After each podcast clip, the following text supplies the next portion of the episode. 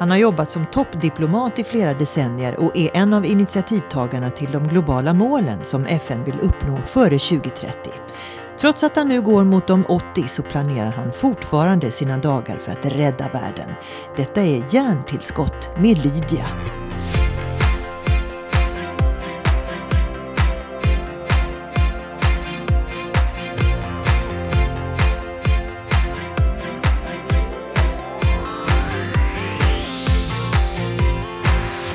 Välkommen Jan Eliasson till Hjärntillskott med Lydia. Tack så mycket.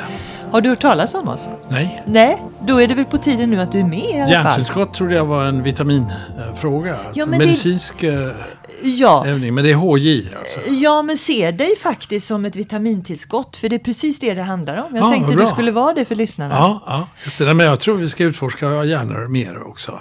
Så det är en bra, det är en bra rubrik tycker jag. Tror du att du har använt hela din hjärna tillräckligt mycket under din karriär? Ja, tillräckligt mycket för att känna mig, att jag har gjort mitt. Eh, Jag har varit i full fart i så många år. Eh, Jag började på UD för 53 år sedan. Och sen kom jag in på FN vid 72 års ålder, på till 76 års ålder. Och nu så hävdar min hustru att jag verkar ha gått ner till fulltid. För jag har ordförandeskapet i SIPRI, Stockholm International Peace Research Institute. Och så jobbar jag med mina barn i Eliasson Group med eh, FNs utvecklingsmål, migration, integration och med demokratifrågor. Jag intervjuade Robert Gusta- Gustafsson, komikern här för en stund sedan och han sa att det mest farliga folk kan göra det är att gå i pension. För Ja. så fort folk gör det så går de bort, sa han. Jag säger att jag är bara passionerad, inte pensionerad. Passionerad. Du har bott i Sverige ett och ett halvt år nu. Ja, Har du vant dig vid vintern? nej, det är väldigt svårt i Hur ska du, hur ska du överleva? Jag brukar säga att eh, ett av skälen till att jag älskar mitt land, och det gör jag, det är somrarna. Den sommar som vi njuter av nu, redan i slutet av maj. Eh, Men eh, skälet till att jag började på UD, det är vintrarna. För att kunna komma ut och inte behöva ha dessa, detta halvår i mörker. Och i år var det så kallt i mars, man halkade omkring där. Det var ju snöhinder överallt. Jag är så glad att någon eh, UD-medarbetare, före detta nu då, kan erkänna en sån sak. Att det är för det dåliga klimatet i Nej, Sverige. det, var, det varierar nog säkert. Men det var ett bidragande skäl. Jag kommer ihåg att jag vaknade den 8 maj 1965.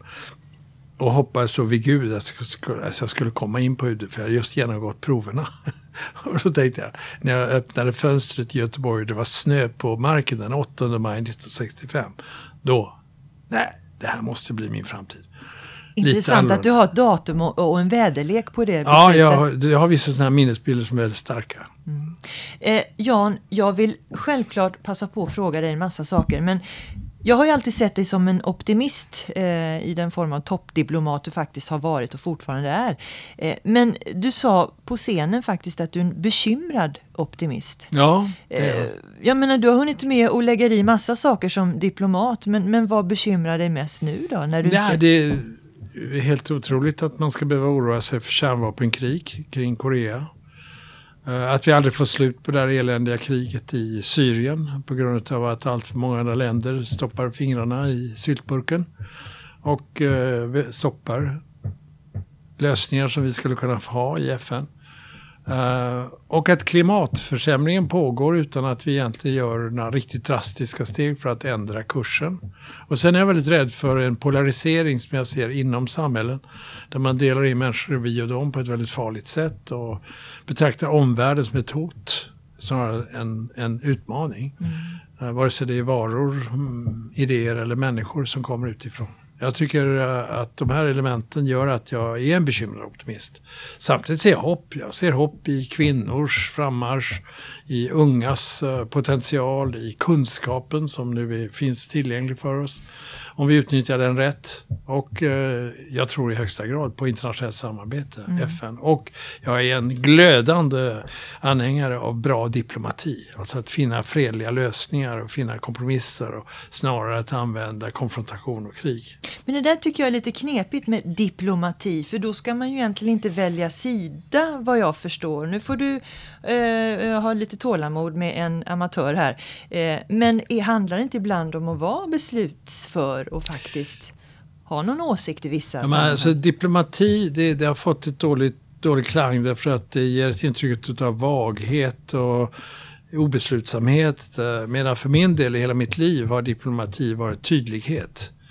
Eh, man sätter upp ett mål, fred i en konflikt eller risiga relationer mellan medarbetare som måste repareras och klaras ut. Uh, och så sätter man upp det målet och sen sätter man folk kring uh, uppgiften och sen hittar man en lösning som är hållbar. Uh, en förhandling som leder till att en part vinner allt och den andra förlorar allt. Det är ju bara en tidsinställd bomb. Då får vi en ny konflikt. Så att kompromissen är ju ett slags medel att få en hållbar lösning. Mm. Eh, det är ett oerhört hedervärt uh, värv uh, som behöver verkligen användas betydligt mer därför att jag har sett alldeles för mycket under mina många, många år både i svensk utrikestjänst och för FN vad det innebär med konflikt och också skriande brist på rättvisa i ett samhälle och brott mot mänskliga rättigheter. Mm. Vi måste ha en kompassriktning baserat på värderingar och sen eh, ska vi stå stenhårt för detta. Och sen vill jag säga en sak till, en allmän missuppfattning. Det är att diplomatiska relationer mellan länder är liktydigt med vänskapliga relationer. Det är inte så. Diplomatiska relationer är en teknisk kanal. Det är därför jag faktiskt till och med officiellt, inte officiellt, offentligt, är kritisk mot att vi inte har en bättre dialog med Ryssland. Vi har problem med Ryssland, med rätta, Ukraina-politiken framförallt. Också Syrien. Men man måste prata med motparten. Att inte ha samtal är inte bra. Och då ska man använda de diplomatiska relationerna att ta fram sina tuffa budskap. Jag har, det, det jag har levererat många, många tuffa budskap kan jag tala för, i diplomatins namn. Men det här verkar ju otroligt logiskt och lätt att förstå. Hur kan det vara så svårt för de som bestämmer? Och det, det här kanske du kan prata med dina politikervänner om, att ha en teknisk diplomatisk Ja, ja jag har sagt offentligt och jag säger det också till mina vänner i regeringen och andra regeringar. Att eh, dialogen måste man ha. Det är till exempel isoleringen av Kuba och sanktionerna mot dem. Det ledde ju till att eh, den kommunistiska regimen bara stannade längre. Jag fick ta hand om sanktionerna mot Irak på 90-talet. Det var ju helt fruktansvärt att se barn eh, börja svälta. Därför att vi inte kunde få in den kvarts miljard dollar som vi måste få in för att, för att de ska klara sig.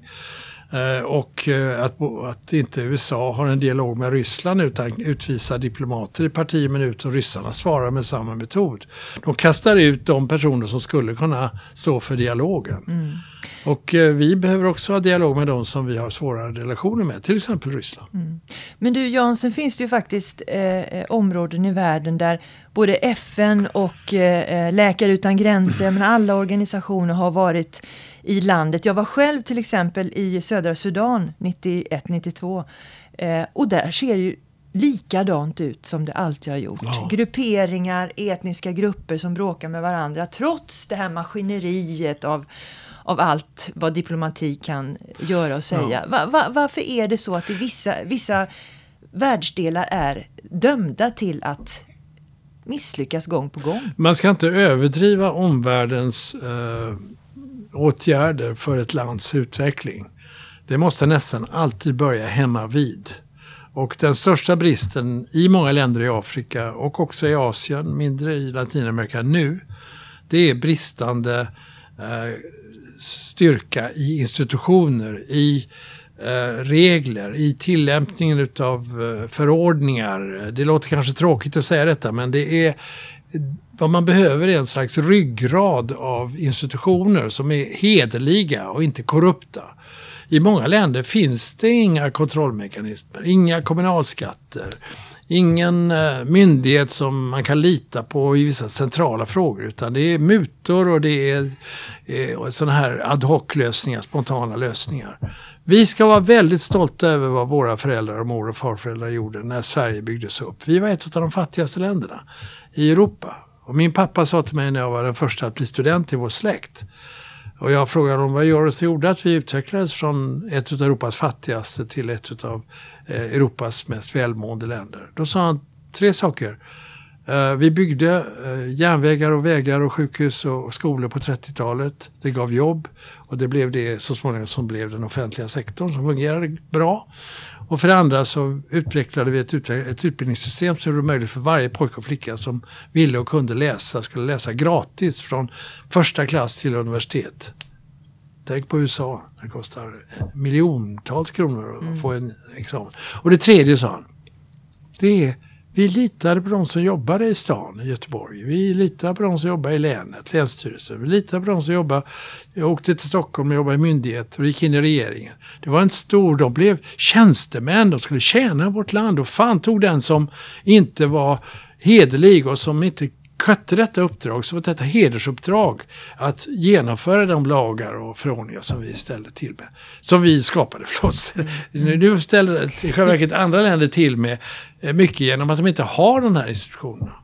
Men blir du inte eh, upprörd när till exempel FNs varumärke svärtas, när det är korruption inom eh, FN själva och folk begår brott och sådär? Absolut. Jag var ju oerhört upprörd över sexuella exploateringen av kvinnor och barn i Centralafrikanska republiken. Det blev ju en debatt om det som ledde till en del missförstånd tyvärr för att jag har ju själv varit där och bedrivit det arbetet. Men det är klart att en organisation som har 110 000 Eh, soldater ute från ett stort antal länder med kulturer som inte är likadana som våra. Så kan det ibland hända saker.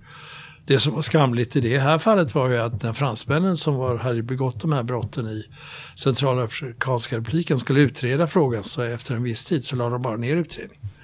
Så att det visar att FN kan ju inte då ha egna domstolar även om det finns en internationell brottmålsdomstol men där hamnar inte de här fallen.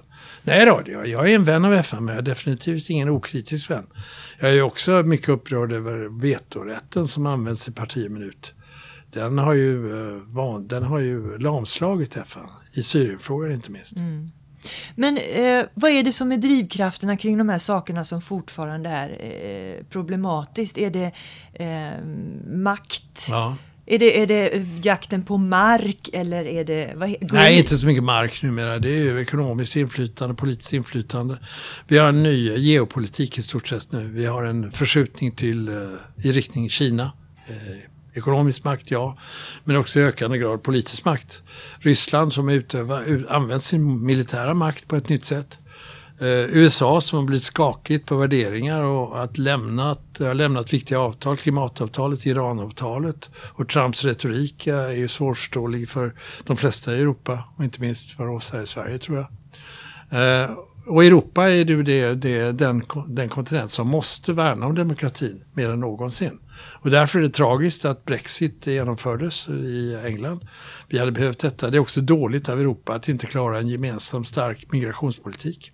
Men jag tror ändå att kombinationen Merkel och Macron är en bra grund att bygga europeiskt samarbete på. Och eh, vi måste nu från de svenska, nordiska länderna eh, stå upp för demokratins eh, värden. Mm. Men kan du förstå de strömningar som finns där man tycker att man ska bevara den svenska lilla kulturen som finns i förhållande till den stora världen? När man tycker mm. att det är globaliseringen ja, ja. kommer för mycket in mm. i framför vardagsrumsdörren. Det, det, det, finns ingen motsättning mellan att älska sitt land och att vara för internationellt samarbete. Det är en falsk motsättning och den går jag mycket kraftigt emot. Eh, jag tycker till och med att ordet nationalism inte ska behöva vara så belastat. Eh, utan eh, i varje fall sund patriotism eh, i olika former är fullständigt självklart. Jag jublade när Sverige vann VM i ishockey och jag älskar lingon i gröten och jag dansar kring huset på jul och jag kan tio snapsvisor och jag älskar skärgården, jag älskar vatten. Allting i det här underbara landet. Och det är jag stolt över. Samtidigt är jag en glödande internationalist. Och det gäller ju att vi har alldeles för mycket tänkande i termer av antingen eller. Det är både och. Samma som ordet identitet förresten. Har du tänkt på det? Identitet är nästan alltid ett ord man använder singularis. Mm. Men identitet är faktiskt fler. Det är bättre i pluralis. Jag är svensk, men jag är nordbo. Jag är europé. Jag är världsmedborgare. Och man kan se sig själv i flera identiteter och gör man det så blir man mycket mer tolerant. För då inser man att man är del av en helhet. Vad krävs för att det ska spridas och den här toleransen? Alltså, allmänt synsätt att vi hör samman. Alltså det viktigaste ordet i världen är tillsammans. Tillsammans med ordet ansvar förresten. Men tillsammans, vi får inga lösningar om man inte arbetar tillsammans. De här nya målen som jag själv var med och förhandlade i FN, eh, Agenda 2030. De globala målen, just globala målen. Mm. De kommer aldrig genomföras om man inte får en mobilisering horisontellt. Det vill säga inte vertikalt i silorna utan vertikalt. Man måste få horisontell mobilisering med regering, internationella organisationer, parlament men också civilsamhället, näringslivet, akademiska livet och du och jag. Mm. Ingen kan göra allt men alla kan göra något. Mm. Men tror du på att de kommer kunna genomföras för, före 2030? Det är en fantastisk vision, målsättning. Det, hur, det, hur är läget? De är, ambi, de är ambitiösa, men mm. de kan genomföras om det blir den här mobiliseringen. Och om vi dessutom får tillräckligt mycket krismedvetenhet om att vi måste göra det. Inte minst uh, ur ett klimatperspektiv. Uh, vi har uh, plan B i livet, men vi har sannolikt ingen planet B. Vi måste helt enkelt göra det här av existentiella skäl. Och sen tycker jag också man ska göra det till något mer lustfyllt. Man ska inte se allting bara som problem. Jättelika oöverstegliga hinder. Och du ska bli deppad och modlös. Nej, du ska se det som att det här ska vi klara. Eh, amerikanerna som jag beundrat, hoppas kommer att fortsätta göra, jag är inte riktigt säker som det nu ser ut. Men de tog in alla från hela världen. Frihetsgudinnan står där, 46 meter hög, denna vackra kvinna i brons. Eller koppar, vad det nu är. Eller ja, vad det nu är. Eller gjutjärn. ja, gjutjärn är det nog. Och då står hon och så står det under henne. Give me your tired. Give me your poor. Give me your huddled masses yearning to breathe free. Ge mig era fattiga. Ge mig era trötta. Ge mig era förtryckta. Massor som längtar efter att andas fritt. Mm. Ah. Det blev supermakten USA. Vi måste ta till oss den ekonomiska positiva faktorn som migrationen framförallt innebär. Den demografiska faktorn som är lika positiv. Vi skulle få negativ demografisk utveckling om vi inte hade migranter. Och vi skulle missa detta att i denna globaliseringstid så tappar vi mångfaldens skönhet och styrka. Detta vill jag säga mot bakgrund av att det inte är lätt så som det såg ut i kommunerna i Sverige på hösten 2015, jag var inte här, var jobbigt. Och vem som helst hade reagerat. Vi måste få det här ordning på detta. Men jag tycker fortfarande att det är en stor besvikelse att Europa inte kunde ta emot en och en halv miljon människor. När jag har sett flyktingar i hundratusentals, i själva verket är det ju miljoner, i Syriens närhet och i olika delar av Afrika och Asien. Men Jan, sista frågan är ju då, Ledarna till exempel i Japan och så vidare, de blir ju över 80 år. Mm. Nu när du tycker så mycket, vad skulle du säga om statsministerposten i Sverige? För det första är det inte aktuellt, men eh, det var en gång aktuellt och då eh, var, var det väldigt nära utan att jag visste om det. Det bara blev en sån här sinkadus. Men nu är jag verkligen glad över att vara en fri man i, utan direkt anknytning till vare sig regering eller FN. Nu kan du säga vad du utan vill. nu kan jag säga vad jag vill och luta mig tillbaka och använda mina erfarenheter. Och frimodigt använda mig och dela med mig. Jag har gått ut i skolorna och talat till mina barnbarns skolor. 15-åringar i Täby och fjärdeklassare i, i Adolf Fredrik. Och jag älskar att se de här barnen och se att jag kan kommunicera med dem och känna kraften från dem också. Så jag kommer att hålla på till dess eh, jag går ut som hundraåring genom fönstret. Du är välkommen tillbaka. Tack så mycket Jan Eliasson. Tack så mycket.